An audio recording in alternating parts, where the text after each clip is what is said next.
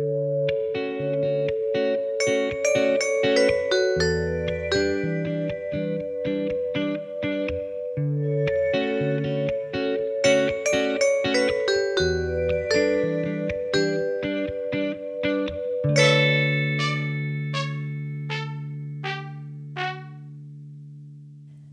og velkommen til Trans-Norge, en podkast om transpersoner lagd av PKI Norge, pasientorganisasjonen for kjønnsinkongruens.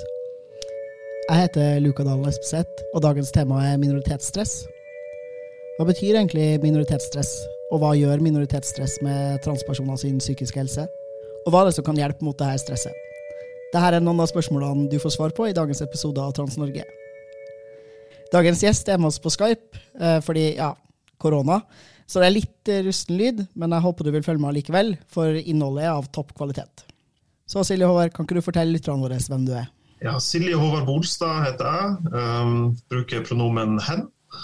Uh, jeg er utdanna psykologspesialist og sexologisk rådgiver. Um, og uh, nå har jeg en jobb på Universitetet i Agder, hvor jeg underviser i sexologi og også driver med forskning. Uh, så har jeg også en jobb som psykolog i Sørlandet sykehus. Ja, så jeg jobber på universitet, og i januar så skal jeg faktisk i gang med en, eh, et doktorgradsprosjekt. Så da skal jeg forske på psykisk helse blant skeive. Uh, og med skeive så mener jeg personer som enten er ikke heterofil eller ikke cis-kjønna. Så kult. Ja, det blir kult.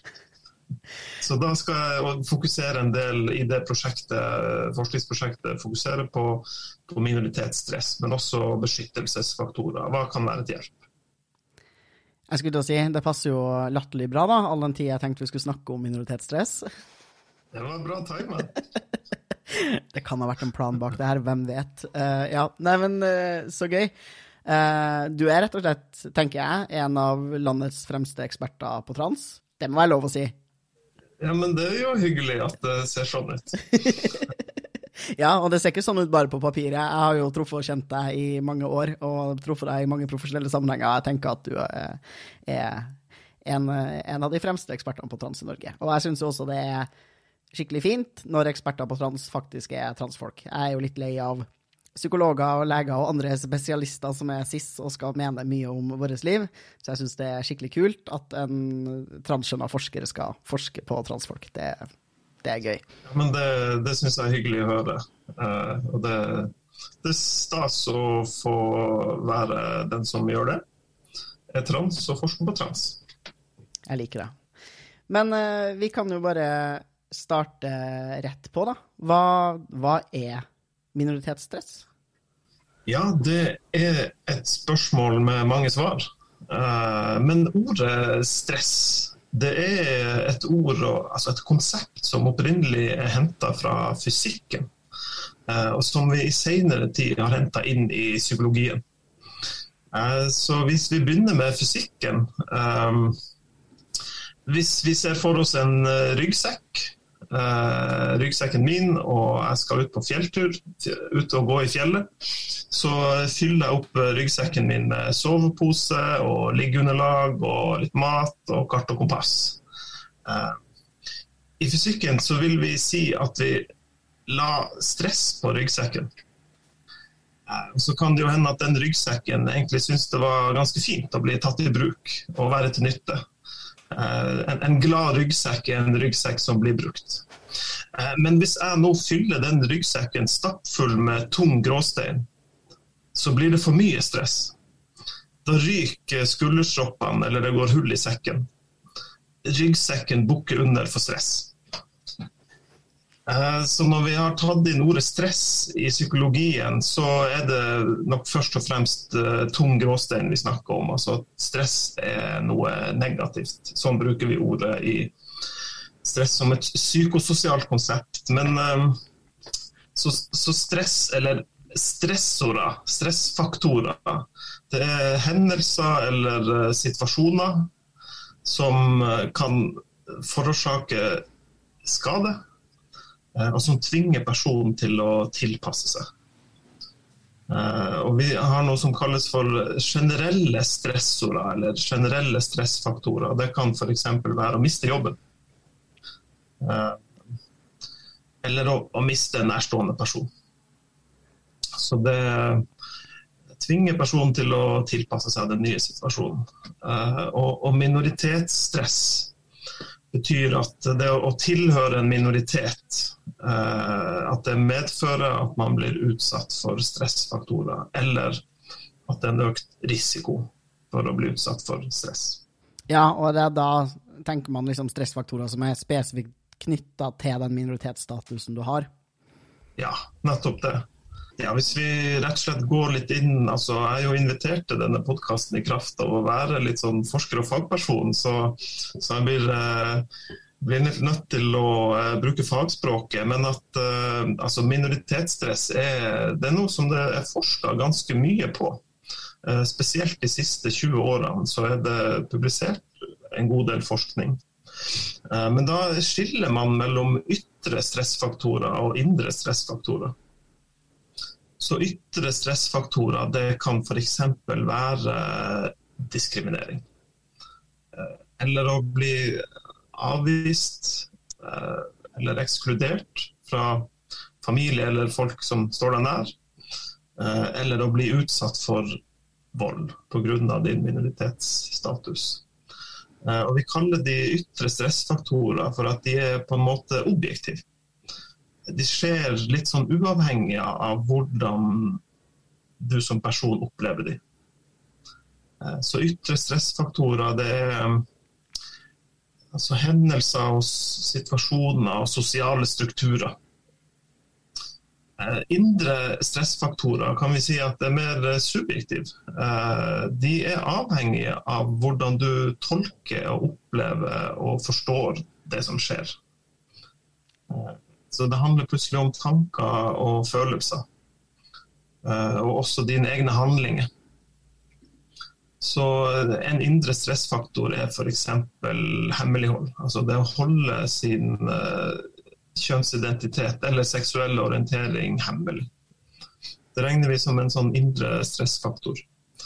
Eh, men også det å ha forventninger f.eks. For om at noe negativt skal skje. Altså ha forventninger om å bli diskriminert. Eller å kjenne på det at det finnes en risiko for å bli diskriminert eller utsatt for vold. Eh, så det er mer sånn subjektive indre stressfaktorer. Vi har også det som kalles for eh, internalisert transfobi, eller internalisert homofobi. Det betyr at uh, det betyr å ta til seg negative beskjeder fra omgivelsene. Uh, og, og, gjøre de til sine egne. F.eks. hvis du hører at uh, det å være transperson er en psykisk lidelse, Eh, fordi det er det jo mange som dessverre har hørt. Eh, hvis du da tar det til deg og begynner å tenke ja, enn hvis det er noe galt med meg, enn hvis jeg er syk og gal. Eh, det er sånn internalisert fobi. Det her er et spørsmål. Um, fordi eh, hvis man følger med i den offentlige debatten, og kanskje spesielt på litt sånn eh, forferdelige sider på internett, så blir minoriteter ofte beskyldt for å være liksom lettkrenkt og litt sånn special snowflakes og sånn. Og når du snakker om eh, de her indre, indre faktorene og det som skjer inni deg, hvor mye ansvar tenker du at enkeltmennesker har for hvordan de responderer på det her ytre stresset, eller hvordan de eh, opplever og erfarer det inni seg? da?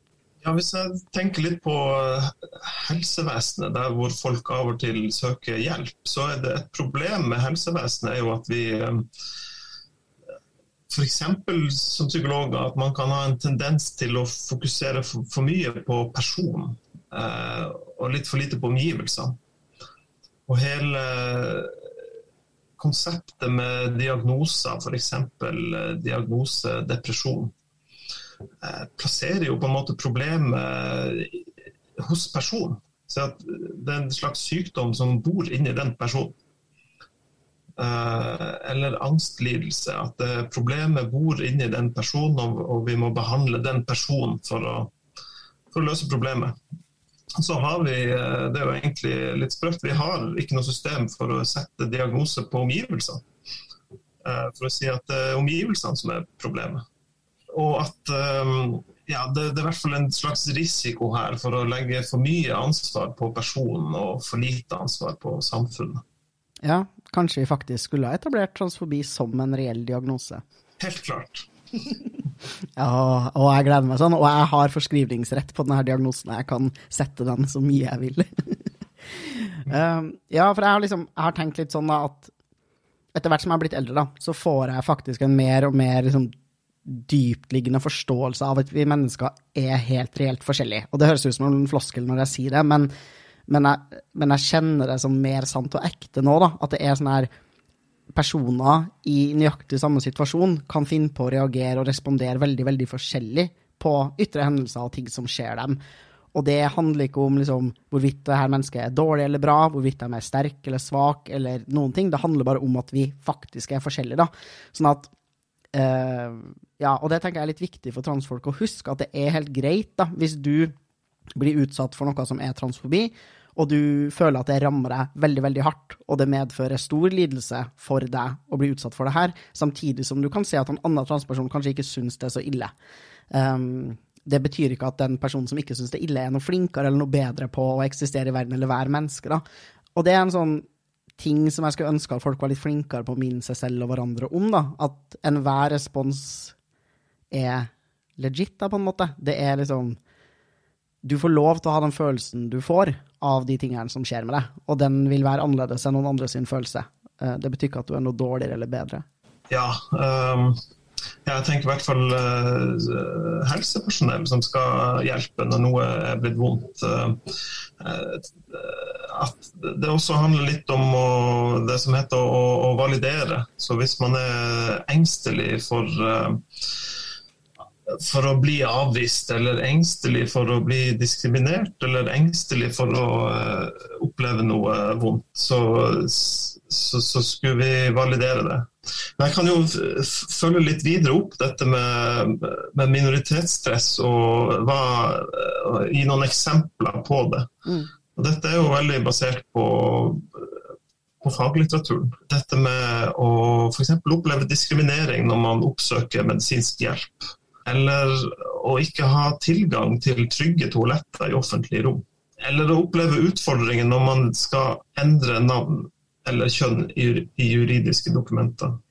Det er eksempler på sånne stressfaktorer som er spesifikt for for transpersoner. Og også uh, dette med å ikke få sin kjønnsidentitet bekrefta av omgivelsene. Det regner vi som en ytre stressfaktor. Det handler om omgivelsene og situasjoner vi er i.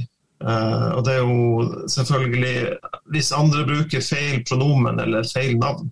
Men også dette med om andre er ute av stand til å forstå ikke-binær kjønnsidentitet, eller ute av stand til å anerkjenne det, og f.eks.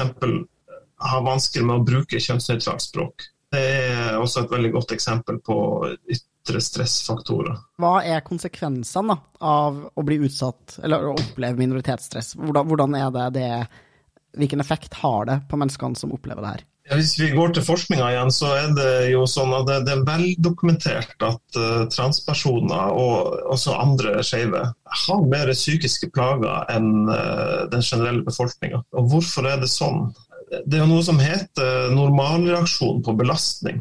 Jeg lurer på om det til og med faktisk er en diagnose som heter det. Men uh, reaksjon på belastning Hvis det finnes en risiko for å bli diskriminert, så er det normalt å bli engstelig. Hvis man må holde kjønnsidentiteten sin hemmelig, så er det normalt å bli nedstemt.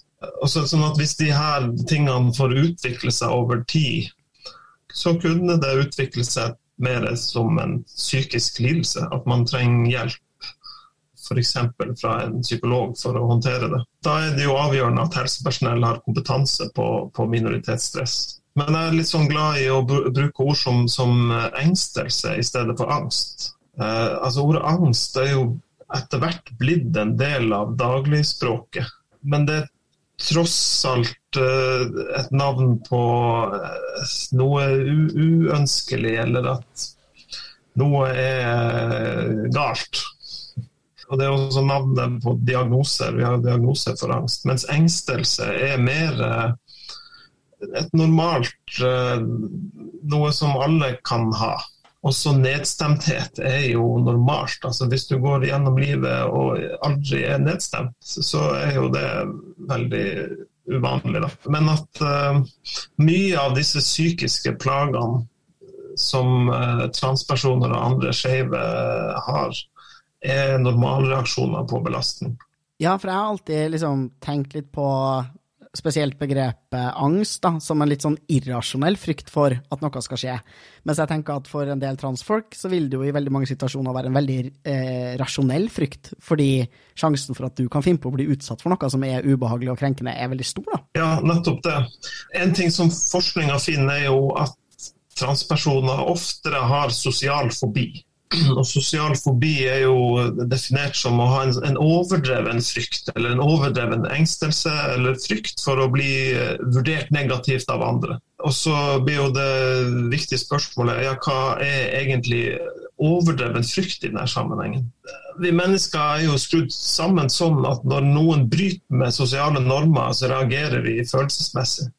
Så eh, hvis jeg ser noen som sniker køa og bryter kønormen, så blir jeg irritert. Og da begynner jeg å mislike den personen. Og det samme gjelder egentlig kjønnsnormer. Når vi transpersoner bryter med kjønnsnormer, så er det noen mennesker som blir irritert. Det kan hende at de ikke ønsker å være fordomsfulle folk. Men vi mennesker er nå engang skrudd sammen som at eh, når andre bryter med normene, så reagerer vi følelsesmessig. Så det å bryte med kjønnsnormer og F.eks. hvis man ikke passerer som kvinne eller mann, eller hvis man ikke ønsker å passere, så går man rundt og bryter sosiale normer. Og Da er det en risiko for å bli vurdert negativt av andre. Eh, og Hva som da er en overdreven frykt, det er jo et godt spørsmål.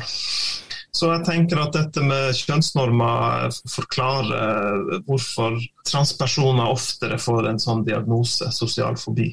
Ja, det tenker jeg er kjempelogisk. Og som en sånn transfyr som jo passerer ofte, som oftest, egentlig alltid, blir lest som mann, så kan jeg jo også oppleve at den vurderingssituasjonen likevel skjer, fordi folk eh, vet at jeg er trans, og til og med hvis folk kommer bort til meg og gir meg komplimenter, og liksom typ sånn her sier 'jøss, så kjekk du er', og så er det sånn underforstått på tross av at du er trans, så det er også egentlig sånn, det er en positiv vurdering, men det er en negativ vurdering, og den skjer bare fordi jeg er trans, og til og med sånne småting da, kan stresse til og med en person som ikke så synlig da, bryter kjønnsnormene i samfunnet som meg.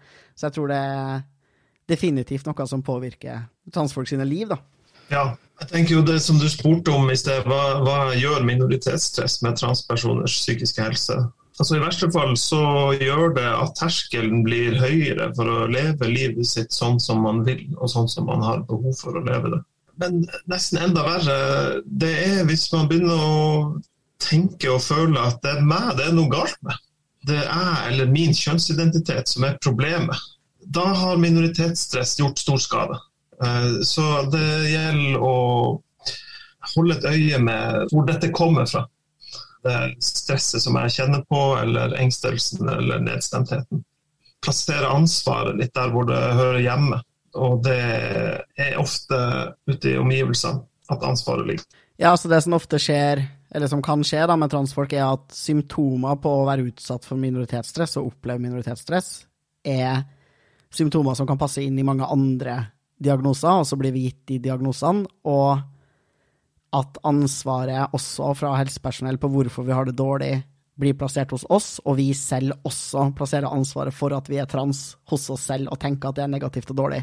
Ja, det er helt klart en problemstilling. Hvis man uh, gjør en uh, utredning av en uh, person som er trans, og så finner man at du har jo depresjon.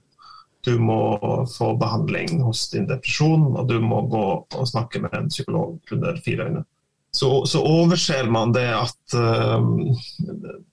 dette henger tett sammen med omgivelsene og det som foregår rundt denne personen. Det, det, det, er jo interessant. altså Forskninga viser at uh, transfolk og andre skeive har, har, mer depresjon og mer angst enn befolkninga generelt. Men så viser den forskninga at uh, alvorlige psykiske lidelser, som schizofreni og bipolar lidelse, er sjelden og er ikke vanligere blant transfolk enn den generelle befolkninga. Og er det diagnoser man tenker at er litt sånn uavhengig av omgivelsene dine? Altså man liker jo ikke å sette et sånt skarpt skille mellom uh, født sånn eller blitt sånn, eller biologi eller omgivelser. Men at uh, i hvert fall er det når man forsker på transpersoner sin psykiske helse, så er det jo også viktig å se at noen ting ikke er vanligere blant uh, transfolk enn andre. Ja, det tenker jeg er et viktig poeng. Vi blir jo veldig ofte, spesielt av Rikshospitalet og andre forskere, omtalt som en gruppe med tung, tunge psykiatriske problemer. Eh, og det blir jo ofte også brukt som et argument mot at vi skal få tilgang på kjønnsbekreftende behandling. Det har du kanskje noen tanker om? det kan du si. Ja, nei, kanskje det viktige her er at uh, bipolar lidelse det regner vi ikke som en normal reaksjon på belastning. Mm. Uh, og schizofreni regner man heller ikke som en normal reaksjon på belastning. Mens uh, symptomer på depresjon og symptomer på angst, det kan helt klart være normale reaksjoner på belastning. Så hva er dine tanker da om transfolk som eh, typ ikke får tilgang på kjønnsbekreftende behandling fordi de har nedstemthet, depresjon, stress og andre ting som kan hvert fall være knytta til bare det faktum at de er trans og ikke har fått tilgang på kjønnsbekreftende behandling. Veldig ledende spørsmål. altså En ting er jo når man har gjort forskning, men av og til så er det sånn at forskere setter seg ned og ser gjennom all den forskninga som er gjort fram til nå. Det som vi kaller for uh, review, eller metastudie. Uh, og det var det jo noen forskere som gjorde. De satte seg ned og kikka på uh, 38 forskningsartikler om uh, psykisk helse blant transfolk. Uh, og de forskerne fant jo helt klart at det å få tilgang til kjønnsbekreftende behandling var forbundet med redusert psykiske plager og psykiske lidelser. Sånn at kjønnsbekreftende medisinsk behandling kan, kan bidra til å redusere forekomst av psykiske plager. Så da er det et paradoks at man ikke får tilgang til det fordi man har psykiske plager. Ja, jeg syns jo det er helt hinsides. Jeg skjønner at du sikkert ikke har lyst til å bruke så sterke ord, men det er, eh, det er absurd, og så det er et veldig stort paradoks. Og det vil jo medføre, tenker jeg, at transpersoner som gruppe får dårligere psykisk helse enn det vi hadde trengt å ha um, i denne verden. Ja, eh, nei, jeg får jo behov for å løfte fram eh, Helsedirektoratet sine nye nasjonale retningslinjer, som eh, jo veldig tydelig sier at psykiatrisk utredning ikke er en forutsetning for å tilby kjønnsbekreftende behandling. Psykiatrisk utredning er kun aktuelt hvis det er en mistanke om psykisk lidelse. Jeg leser det som diagnostiserbar psykisk lidelse. Ja, eh, og det er jo veldig flotte retningslinjer, men de blir jo på ingen måte fulgt av Rikshospitalet. Jeg får ukentlige henvendelser fra mennesker som, har, eh, som sliter med å få tilgang til utredning på Rikshospitalet, fordi de enten har valgt å få legen sin til å henvise dem direkte, og dermed bli avvist fordi de ikke har vært på DPS, eh, og får beskjed om at du må på DPS og gjennomgå en generell psykiatrisk screening. Eh, eller at de har uh, fått legen sin til å henvise dem til DPS, og DPS har avvist dem fordi de sier du har ingen psykiatriske symptomer, det er ingen grunn til å skulle utrede deg, og det at du er trans alene, gjør selvfølgelig ikke at du skal gjennom noe system hos DPS, fordi det å ha kjønnsinkongruens er ikke en psykiatrisk lidelse. Og så blir folk værende i, sånn her, i en limbo, da, hvor man ikke får tilgang på behandling. Eh, jeg mener, og jeg vil tro at du er helt enig, at DPS-ene gjør en helt riktig vurdering når de ikke vil ta inn eh, friske folk som ikke har noen psykiatriske symptomer. Um, men det gjør jo unektelig at veldig mange mennesker bare rett og slett står uten tilgang til det eneste forferdelige behandlingssystemet vi har da, for mennesker med kjønnsinkongruens i dag. Ja, dette tror jeg vi kan kalle for eh, diskriminering når man oppsøker helsehjelp. Så det er en ytre stressfaktor. og som forskning viser at uh, fører til mer psykiske plager. også en annen ting som jeg mener er en, altså en, det vi kaller for en bias i forskninga. Altså en, en skjevhet i forskninga. Og det er at uh, psykiatrisk utredning har vært obligatorisk for veldig mange transfolk. Uh, og det medfører en risiko for overdiagnostisering. Altså Hvis man utreder alle, så vil man finne mye. Ja, det er liksom den som leter, den finner, rett og slett? Ja, altså Hvis vi utreder, kjørte hele Norges befolkning gjennom en sånn psykiatrisk utredning, så var det mange som ville få en diagnose. Men det, har, det gjør vi jo ikke. Uh, men eh, det har jo nesten vært sånn at man har kjørt hele transbefolkninga gjennom psykiatrisk utredning. Og så sammenligner man det med en befolkning som ikke har gått gjennom obligatorisk utredning. Sånn at sånn obligatorisk eh, psykiatrisk utredning det, det medfører en risiko for overdiagnostisering og ikke minst overbehandling. Og dette systemet med, med ikke bare obligatorisk utredning, men også sånn obligatorisk samtale på DPS Eh, jeg mener bestemt at det er en risiko for overbehandling. Eh, det er ikke så ofte man bruker det ordet om, om psykologisk behandling, men man bruker det jo helt klart om f.eks. antibiotika. Vi skal, ikke mye, skal ikke bruke mer antibiotika enn nødvendig i et land. Fordi det å overbehandle er ikke bra. Så disse obligatoriske samtalene, og spesielt for de som ikke har behov for psykisk helse, helsehjelp, Eh, jeg mener det, det er en risiko for, for, for overbehandling. Kanskje, kanskje, du rett og slett går lei av å sitte og snakke med psykologen når du ikke har behov. Og at du senere i livet, når du kanskje kunne hatt nytte, så gidder du ikke å gå til psykolog fordi at du er lei og har erfart at det ikke var noe vits. Det var ikke til hjelp. Det var jo fordi at du ikke trengte psykologhjelp. Ja, det. så du blir på en måte immun mot psykologsamtalene. Ja, det høres ut som en dårlig ting. Og så tenker jeg det er også et sånn sosioøkonomisk perspektiv. Altså, det er jo dyrt å ha folk i psykiatriske utredninger og bruke opp de ressursene og midlene som finnes hos ja, f.eks. DPS-ene. Der er det jo helt klart masse mennesker i Norge som har reelle psykiske plager og problemer som de kunne ha trengt hjelp med. Eh, og da er det dumt hvis helt friske folk uten et hjelpebehov tar opp de plassene og bruker de ressursene. Det er helt klart et stort problem som jeg tror Helsedirektoratet har, har sett. Men la oss eh, hente oss tilbake inn til minoritetsstress. Og egentlig som, eh, som forsker og vitenskapsperson så er jeg jo programforplikta til å også problematisere og eh, snakke om problemene ved min egen forskning. Begrensningene. Og faktisk så tenker jeg Det er jo egentlig en risiko med å bruke det ordet minoritetsstress, som vi skal være bevisst på. Så det å stadig vekk omtale noen som en minoritet, det, kan jo nesten bidra til å gjøre den gruppen enda mindre. Altså uh, at man, det blir en enda sterkere minoritet fordi man bruker det ordet. Og, men uh, egentlig større, større problem er ordet stress det å kalle noen av disse tingene for stress, det kan være en bagatellisering. F.eks. vold. Det er jo i forskningslitteraturen definert som en stressfaktor. Men altså å si at det er stressende å bli utsatt for vold, det, det blir jo en bagatellisering, da. Så vi skal bare være litt bevisst på det. Så jeg, jeg tenker jo at minoritetsstress er et godt begrep hvis man er i stand til å problematisere det. Men uh, det som er fordelen med ordet minoritetsstress, er at uh, altså det, det, løfter fram at problemet ofte ligger i omgivelsene.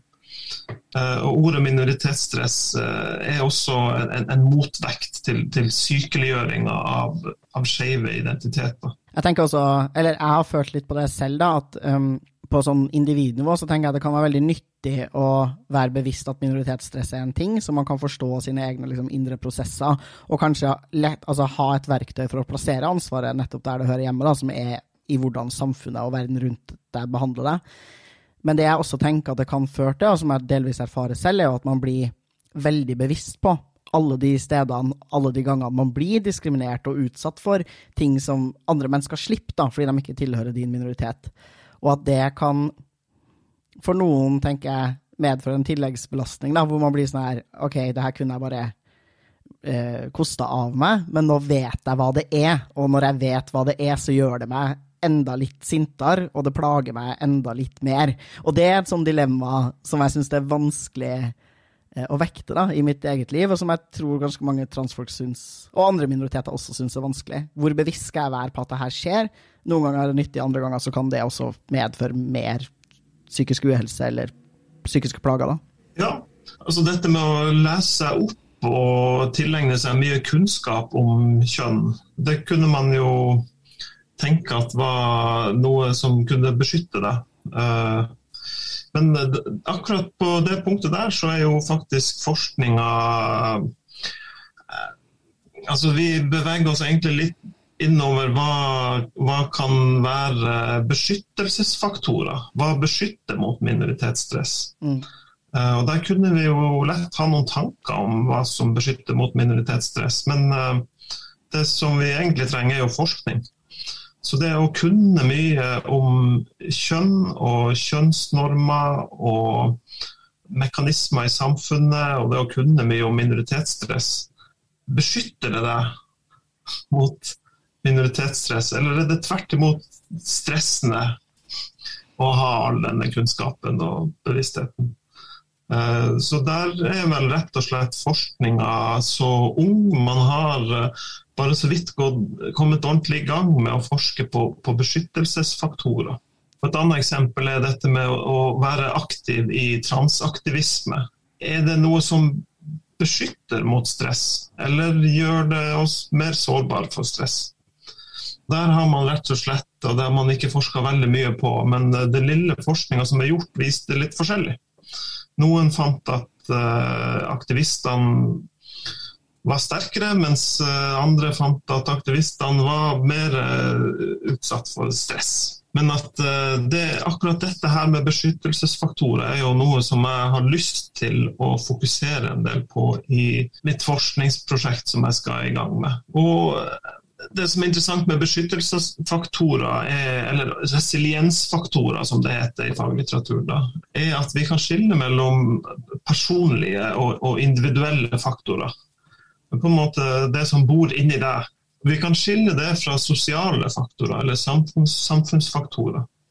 Altså beskyttelsesfaktorer som er i omgivelsene, som bor rundt det.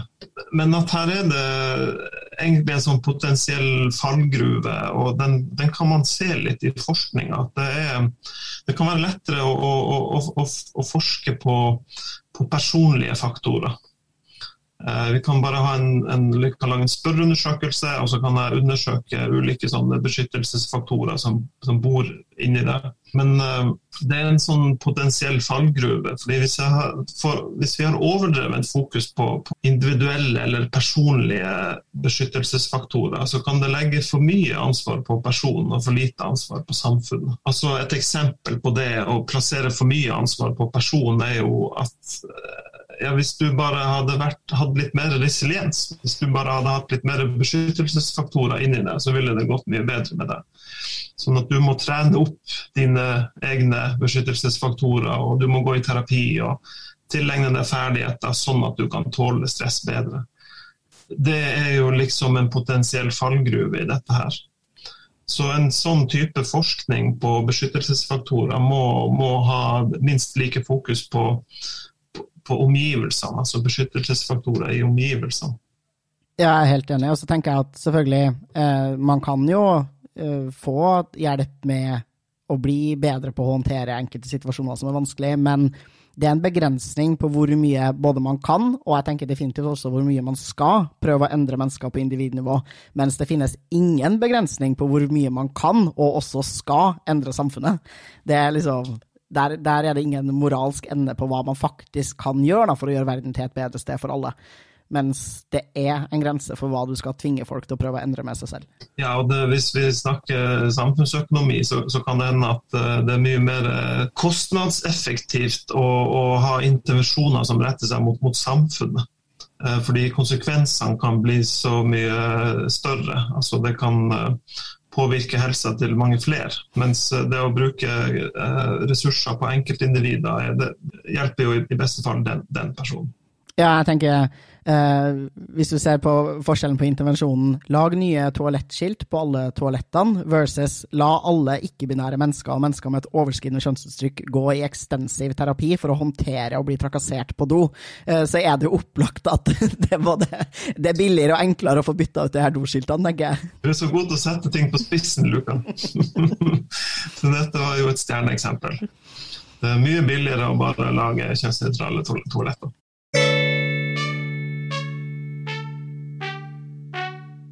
Så hva skulle du ønske at resten av verden visste om minoritetsstress? Ja, Hvis jeg skulle velge ut én ting, så måtte det være dette med, med, mangel på bekreftelse. Altså det å ikke få sin kjønnsidentitet bekrefta. At verden faktisk skjønte at det er en stressfaktor som påvirker psykisk helse.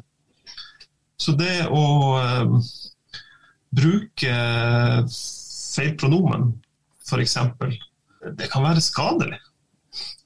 Og kanskje de som jeg aller helst ønsker at skulle vite det, det måtte jo være helsepersonell.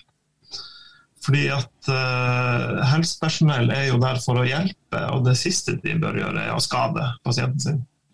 Det tror jeg får med meg de, de aller fleste le le leger på vil ikke skade pasienten. Men forskninga viser at uh, mangel på bekreftelse, altså det å ikke få kjønnsidentiteten bekrefta, det er en stressfaktor uh, som påvirker psykisk helse negativt. Og kanskje, uh, kanskje jeg hadde lyst til å sammenligne det med dette med noe. fordi altså, Det å si feil pronomen én gang med et uhell, det det kan alle gjøre, det kan skje. Og det er ikke det viktigste, at alle gjør riktig hele tida. Eh, ikke engang helsepersonell. Men eh, jeg har lyst til å sammenligne dette litt med sånn eh, når man tar blodprøve eller sprøyte. Når f.eks. sykepleier som skal ta en blodprøve av deg Eh, og Da hender det jo en sjelden gang at eh, de sykepleierne at de ikke treffer blodåra. Altså at de stikker feil, på en måte. Og det er jo noe som kan skje av og til. Og jeg har lyst til å sammenligne det å bruke feil pronomen med å stikke feil. sånn. For at det er ikke verdens undergang om det skjer en gang. Eh, men hvis du er sykepleier og har en pasient som kommer til deg en gang i uka og skal ta blodprøve, og så driver du og stikker feil hver eneste gang. Hver uke, kanskje flere ganger, stikker feil. Da, det, det er ikke bra. Da skader du pasienten din. Så hvis du er psykolog og snakker med en klient en gang i uka, og så driver du og bruker feil pronomen, det er ikke bra. Og for å dra den helt ut, altså hvis du er sykepleier og driver og stikker feil i et sett, og så er du ikke engang klar over det, du ikke helt skjønner at du stikker feil, eller at du ikke helt skjønner at dette er ikke bra, da har vi et stort problem. Og jeg mener det er litt på samme måten. Hvis man er helsepersonell og bruker feil pronomen, enten muntlig eller i journalen, og så skjønner man ikke at dette er skadelig, da har vi et stort problem. Så det å gjøre å bomme litt på pronomen en gang eller to, det, det, det, skal, vi, det skal, gå bra. Men uh, å gjøre det konsekvent, det er ikke bra. Jeg er helt, uh, helt enig. Veldig godt sagt. Og så tenker jeg også, jeg er jo enig i liksom, du skal få lov til å ta feil pronomen en gang eller to, men jeg skulle også ønske at folk av og til kom på og tenkte over at den personen du brukte feil pronomen om nå, du er ikke det første mennesket den personen møter i dag, eller denne uka her, eller den måneden her. Og hvis alle du møter, alltid gjør feil et par ganger, men stort sett får det til rett, så er summen av alle ganger noen har brukt feil pronomen, også ganske stor, da. Så hvis du er hos en annen sykepleier på, hvis du har en sykepleier på mandag og en sykepleier på tirsdag, og alle driver og stikker deg feil, og så gjør de det bare én gang hver, så det er ikke så farlig, men, men de er så mange, da, at er, den totale belastninga kan være ganske stor. Det er sånne ting som jeg ja, den her ryggsekken, så blir jeg sånn her Jeg føler at det er veldig vanskelig å ta steiner ut av den, hvis du skjønner. Jeg tror veldig mange transfolk bærer med seg tidligere erfaringer som kan være for ganske lenge siden, og som egentlig kanskje er bearbeida, og som ikke har så mye betydning i hverdagslivet, men hver gang noen utsetter deg for noe nytt, eller en ny type diskriminering skjer, eller du noen bruker feil pronomen, eller noen sier noe som er transfobt, eller du må lese en transfob kronikk, da, så, så, er det ikke bare den hendelsen, det er også Den edder seg veldig ofte opp da, til alle de andre hendelsene du har opplevd i livet. Og det blir en sånn totalsum som jeg tror kan være ja, ekstremt belasta. Mm. Ja, nei, det, er, det er veldig godt, uh, godt, bilde på det. Um, denne ryggsekken den kan ha store og små uh, steiner, men uh, det er jo summen av dette som avgjør om, om ryggsekken gir etter, om den tåler stresset, og, altså, og hvor, hvor, tung den blir. Kan ikke du fortelle oss litt om hva som kan hjelpe da, altså mot det her minoritetsstresset? Nei, men altså dette med sosial støtte dette er jo et eksempel på en sånn eh, ytre eller sosial beskyttelsesfaktor. Eh, altså det å få støtte og, og, og bli forstått og også bekrefta av de nærmeste. En annen interessant ting, syns jeg, det er dette med at det blir det stadig vekk eh, transpersoner i TV-serier. Og at nå kan man egentlig ikke lage en TV-serie som skal treffe ungdom uten at det er minst én karakter som er trans. Elsker det. Da er man uh, last year hvis man ikke har med det. Altså positiv representasjon i media. Det er i hvert fall noe man kunne se for seg at det er en beskyttelsesfaktor, men det som vi virkelig trenger, er jo en eller annen måte å forske på det for å vite det helt sikkert. Men uh, altså, skolemiljø og arbeidsmiljø, der tenker jeg at det fins uh, et stort potensial for mer beskyttelsesfaktorer, hvis vi kan kalle det det. Ja, åpenhet og synlighet på arbeidsplassen. Og ja, dette med tilhørighet til uh, skeive miljø. Det jo, har vært foreslått som uh, som en beskyttelsesfaktor. Og så tenker jeg at my Mye handler om det miljøet. altså Skeive miljøer er forskjellige. Og hva skal vi si Det finnes skeive miljøer, og så finnes det en enda smalere transmiljø. altså eh, Miljøer eller møteplasser kun for transfolk. Og til og med de kan jo være forskjellige. Så hva er det som kjennetegner miljøer som er beskyttelsesfaktorer? Det er jo sånne ting som eh, som vi skulle prøve å finne svar på. Og ikke minst dette med aktivisme. Eh, det, det kan jo hende at, at, det er mer nyansert enn en et ja- og nei-spørsmål. Det finnes ulike former for aktivisme, og det å engasjere seg, eh, det å føle at man gjør noe, at man ikke er hjelpeløs. Jeg kan faktisk gjøre noe med det. Det, det kunne jeg jo se for meg at det er en beskyttelsesfaktor, men, men jeg vet ikke. Nei, jeg kjenner at jeg får en sånn eh, Tilbake til den der flotte historien om den her ryggsekken da, som, noen, eh, som du har med deg eh, og bærer gråstein i. Så ser jeg veldig for meg liksom, en situasjon der hvor det å f.eks. henge i transmiljø eller være aktivist da, gjør at du får på en måte oppgradert ryggsekken din. Du gjør den bedre eh, fordi du, det, det funker, liksom. Men samtidig så gjør du deg selv tilgjengelig for å bære enda mer gråstein. Sånn at det er ikke sikkert at balansen mellom hvor stor ryggsekken din er, eller hvor bra den er, og eh, mengden gråstein alltid vil komme ut på en side som er i favør av at du får bedre psykisk helse, eller får det bedre, da. Um, for, for, synlighet altså synlighet kan være kjempebra, du kan få et kjempebra miljø, men det kan også gjøre deg veldig sårbar for trakassering hvis alle sammen vet at du er trans, hvis du er en offentlig person, hvis du er mye på internett, så kan du få mer hets og trusler slengt din vei.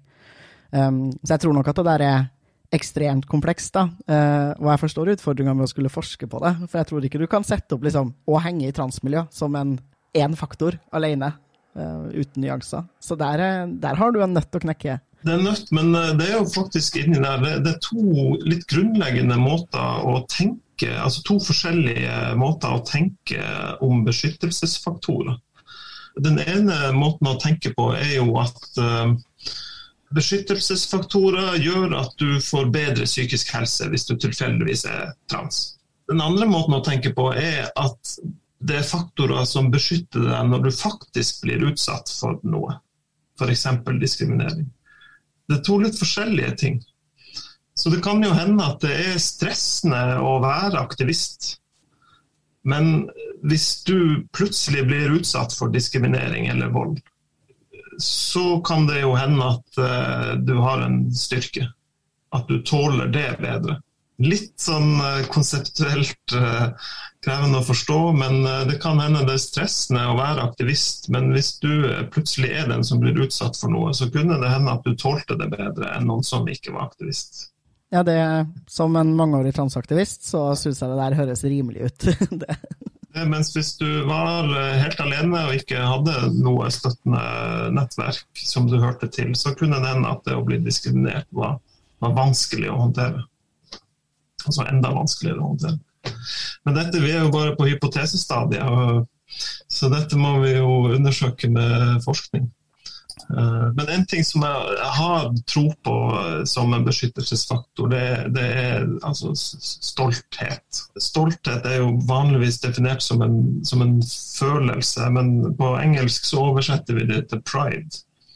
Og eh, pride er jo en følelse, men også en bevegelse og en, en sosial struktur. En, en, sosial beskyttelsesfaktor. Så, men hva er, hva er, det å være stolt over kjønnsidentitet? Og jeg er blitt veldig glad i det ordet kjønnskreativ.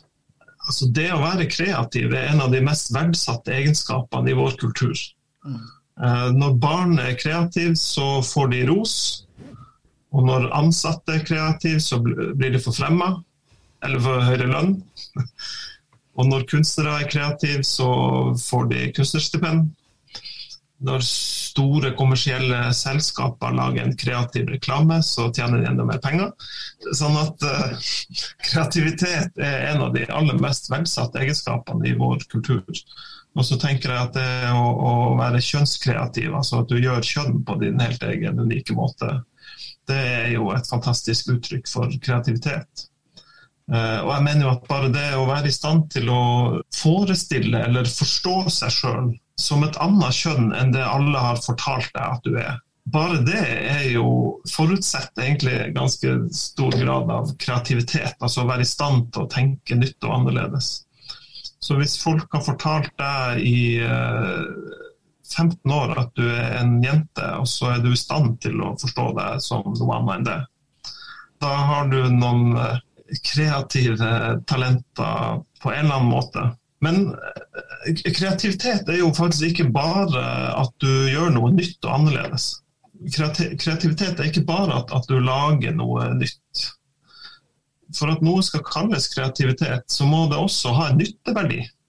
Så hvis du bare lager et eller annet rart som ingen andre har sett, og som ikke gir noen som helst mening til folk, så vil de kanskje ikke kalle det kreativitet. De vil bare kalle det for noe rart. Men i det øyeblikket det har en nytteverdi for deg sjøl eller andre, det, er da vi ser på det som kreativitet. Eh, så det å være kjønnskreativ kan jo ha nytteverdi for deg det å gjøre kjønn på din helt unike måte kan gjøre at du blir eh, glad eh, eller stolt eller rolig eller oppspilt, eller at du syns det er spennende. Men det å være kjønnskreativ kan også ha en nytteverdi for andre. Det kan gjøre at andre blir glad eller nysgjerrig eller provosert det har helt klart en nytteverdi av og til å provosere andre. Mm. Eller at eh, andre får lyst til å utforske sin kjønnsidentitet eller andre egenskaper ved seg sjøl. Kanskje du bidrar til å eh, utvide sosiale normer. Du eh, rett og slett bidrar til at verden utvikler seg i stedet for å stagnere. Hvis alle mennesker var helt identiske, så ville verden stått stille. Så det at noen er annerledes eller unik, det gjør at verden går framover. Så jeg mener bestemt at uh, kjønnskreativitet er en beskyttelsesfaktor. Jeg syns det høres eh, rimelig ut, det. Og jeg er helt enig i at det er et helt fantastisk ord. Kjønnskreativ. Jeg burde kanskje brukt det mer om meg selv, men jeg, føler veldig ofte at jeg er veldig lite kreativ når det kommer til kjønn. At jeg har blitt en ganske sånn konform gammel gubbe. ja, si det, du. Um, men um, kreativitet kan ha mange former. Ja, og det er jo altså Jeg ble jo unektelig registrert som kvinne ved fødsel, liksom. Jeg gjør jo noe radikalt annerledes enn det, selv om det jeg gjør, sikkert av noen kan ses på som relativt mannekonformt. jeg, tror det må bli opp til hver enkelt å kjenne litt hvor uh, kjønnskreativ de føler seg.